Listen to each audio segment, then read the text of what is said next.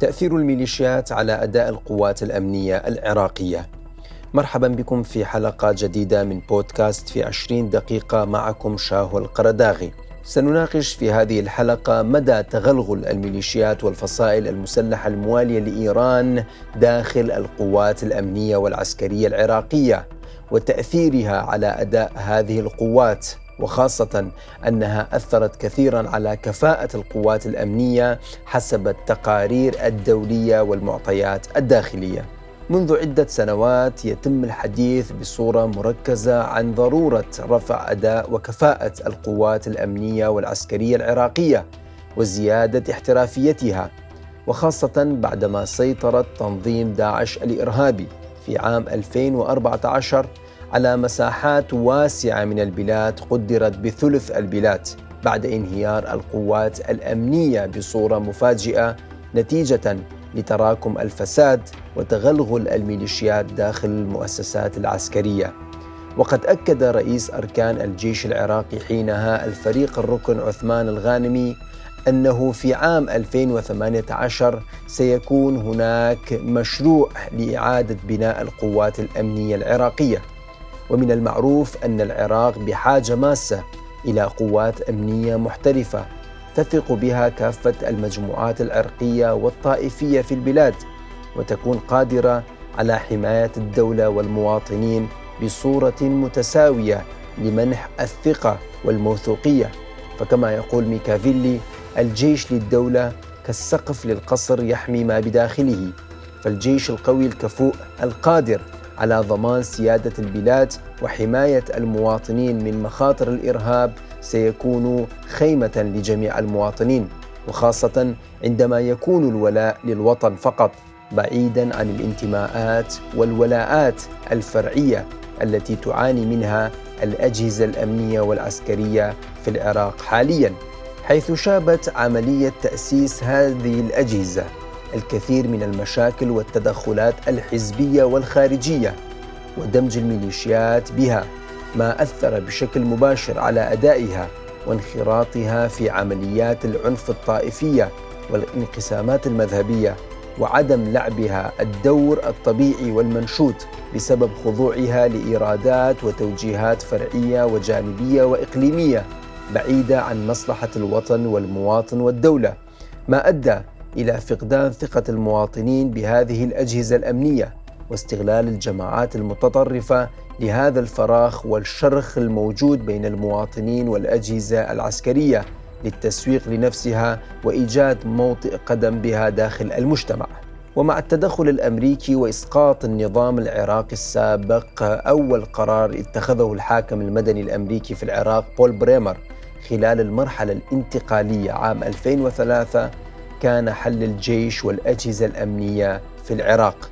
وبعدها تم تأسيس القوات الأمنية من جديد وكان من المفترض أن يمتلك العراق الجديد جيشا صغيرا ولكن قويا وحديثا وقادرا على مجابهة التحديات الأمنية واستلام الملف الأمني بالكامل من القوات الأمريكية.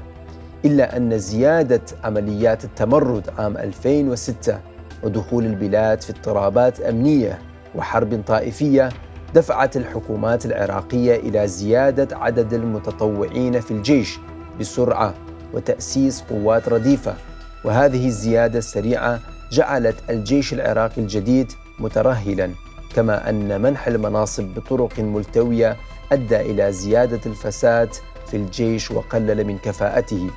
وبحسب الخبراء فإن هذا الترهل والتراجع وانعدام الكفاءة كانت أسباب كافية ورئيسية لانهيار القوات الأمنية وسقوط محافظات كاملة بيد تنظيم داعش الإرهابي. وعلى الرغم من التفوق العددي واللوجستي الذي كان يتمتع به الجيش العراقي إلا أن الفساد أدى إلى انهياره بصورة سريعة ومفاجئة. وبالرغم من الدعوات المحلية والدولية لضرورة إعادة النظر في القوات الأمنية وهيكلتها ومعالجة المشاكل وإنهاء الفساد والولاءات الحزبية والخارجية إلا أنه لم يتم الاستجابة لهذه الدعوات أو تنفيذ الوعود الحكومية ما يهدد بتكرار انهيار هذه القوات أو عدم قيامها بمهامها بسبب تأثير الميليشيات ونفوذ الفصائل المسلحة في هذه التشكيلات الأمنية. وخاصة إذا علمنا أن هذه الفصائل والميليشيات تمتلك ولاء تاما لإيران وبالتالي سوف تستغل تواجدها داخل هذه الأجهزة لاستخدام هذه الأجهزة الأمنية المهمة في تحقيق المصالح الإيرانية داخل العراق بدل توجيهها إلى تحقيق مصالح العراقيين وتركيزها على توفير الأمن للمواطنين. وبالتزامن مع حالة الترهل والفساد داخل القوات الأمنية العراقية يرى المواطنون مشاهد مستمرة من قيام الميليشيات بتحدي هيبة الدولة وسيادة القانون العراقي. ومن الممكن والمتوقع أن الجيش العراقي قد لا يصمت فيما لو قررت الميليشيات إسقاط نفوذ الحكومة في بعض المحافظات المهمة بالنسبة لهذه الفصائل. وقد يقرر الجنود عدم القتال مثل ما حصل في سيناريو سقوط محافظة نينوى وتأكيدا لهذه المعطيات كشفت وزارة الدفاع الأمريكية البنتاغون للمرة الأولى علنا في تقرير جديد أن الميليشيات الإيرانية المناهضة للولايات المتحدة الأمريكية في العراق لديها نفوذ واسع داخل الأجهزة الأمنية العراقية وتستفيد من أموال دافعي الضرائب الأمريكيين منذ فترة طويلة. وأبلغ المفتش العام للبنتاغون الكونغرس في تقرير جديد عن العمليات العسكرية الأمريكية في المنطقة أن إيران والميليشيات المتحالفة معها ما زالت تتمتع بعلاقات قوية مع بعض عناصر قوات الأمن العراقية التقليدية وخاصة الشرطة الفيدرالية العراقية وقوات الطوارئ وتشرف عليهما وزارة الداخلية العراقية وكذلك الفرقتين الخامسة والثامنة في الجيش العراقي وهي الوحدات التي يعتقد أنها تتمتع بأكبر نفوذ إيراني. لكن الضباط المتعاطفين مع المصالح الإيرانية أو الميليشيات والفصائل المسلحة منتشرون في جميع أنحاء الأجهزة الأمنية حسب التقرير. ويمثل التقرير أول اعتراف رسمي بأن إيران وميليشياتها متوغلة في قطاعات كبيرة من الأجهزة الأمنية العراقية وفقا للمسؤولين الأمريكيين الذين تحدثوا إلى صحيفة واشنطن فري بيكون. ويقول النائب الجمهوري جريج ستيوب عضو لجنة الشؤون الخارجية في مجلس النواب الأمريكي أن التقرير يثبت ما نعرفه منذ فترة طويلة وهو اختراق الشرطة الفيدرالية ووزارة الداخلية من قبل الميليشيات المدعومة من قبل إيران. ولقد حذر مجلس الأمن القومي التابع للرئيس السابق ترامب من هذا السيناريو بالتحديد وبذل جهود لقطع التمويل وبوجود هذا التقرير فقد حان الوقت للكونغرس الأمريكي لاتخاذ إجراء نهائي لوقف أي دعم أمريكي يذهب إلى وزارة الداخلية العراقية وقوات الشرطة الفيدرالية.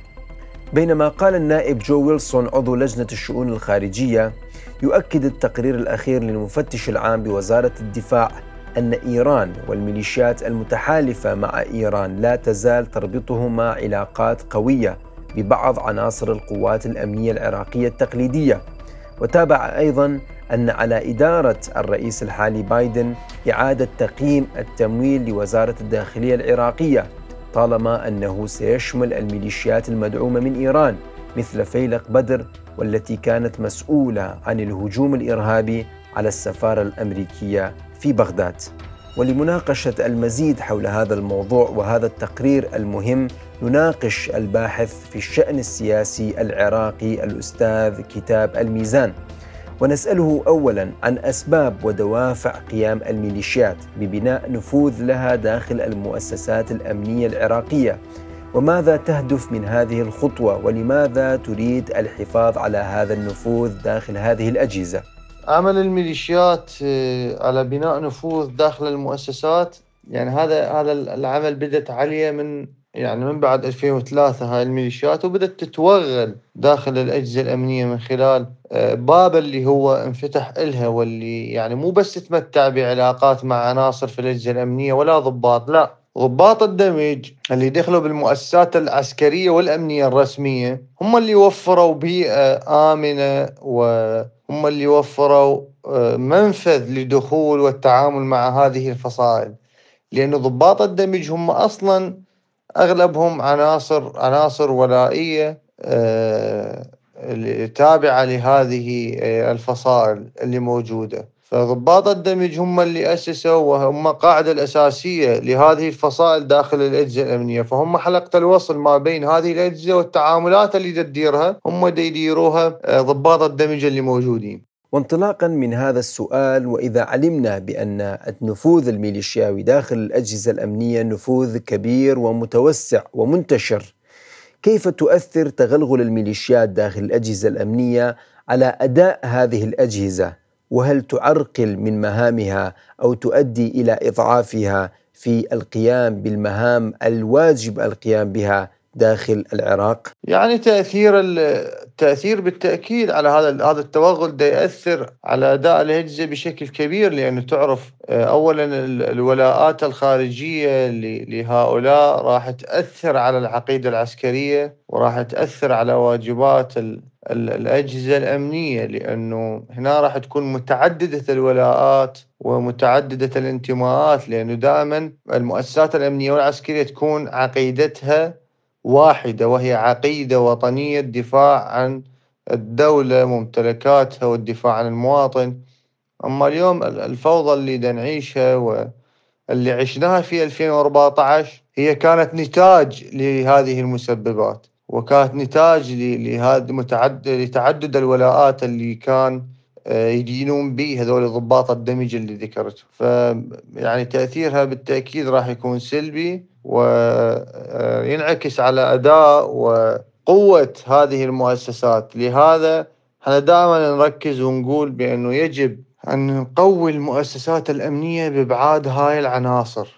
اللي موجودة وتوحيد المؤسسات والقيادات. أيضا حتى تعدد القيادات الأمنية هي يعني تصير تداخل في القرارات وتشتت القرارات الأمنية وأيضا تربك عمل الأجهزة الأمنية. وهاي صارت عندنا في صلاح الدين أيضا بسبب تعدد القيادات سببت إرباك ومما جعل تنظيم داعش أن يشن هجوم على مناطق رخوة وفيها تعدد كبير للقيادات الأمنية والعسكرية. وأخيرا هل من الممكن للحكومة العراقية أن تخطو خطوات جدية وحقيقية وحاسمة لإعادة هيكلة وتنظيم القوات الأمنية بعيدا عن تواجد ونفوذ الميليشيات وإبعاد أي تأثير ميليشياوي عن هذه الأجهزة الأمنية خلال الفترة القادمة وخاصة بعدما ظهرت النتائج السلبية لتواجد الميليشيات داخل هذه الأجهزة؟ صراحة ماكو أي جدية من قبل الحكومات أو الحكومات السابقة واللي راح تكون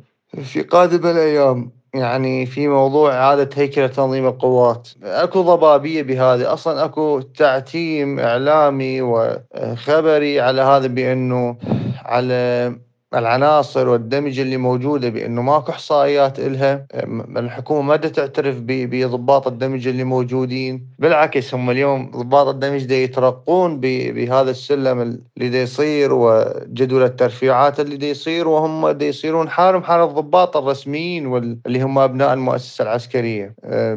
حقيقة بهذا الظرف الحساس إذا أردنا أن نبني جيش قوي نبني شرطة داخلية قوية آه، نعيد ونقوي ونحافظ على الأمن القومي العراقي يجب أن تتنظف كل هاي الأجهزة الأمنية من العناصر المسيئة من العناصر اللي اللي أساءت للمؤسسة العسكرية و الدين بي بي وأيضا عندها نفس طائفي وهي ترتبط بفصائل إيديولوجية لا تعترف لا بحدود وطنية آه، تعترف بولاءات خارجية.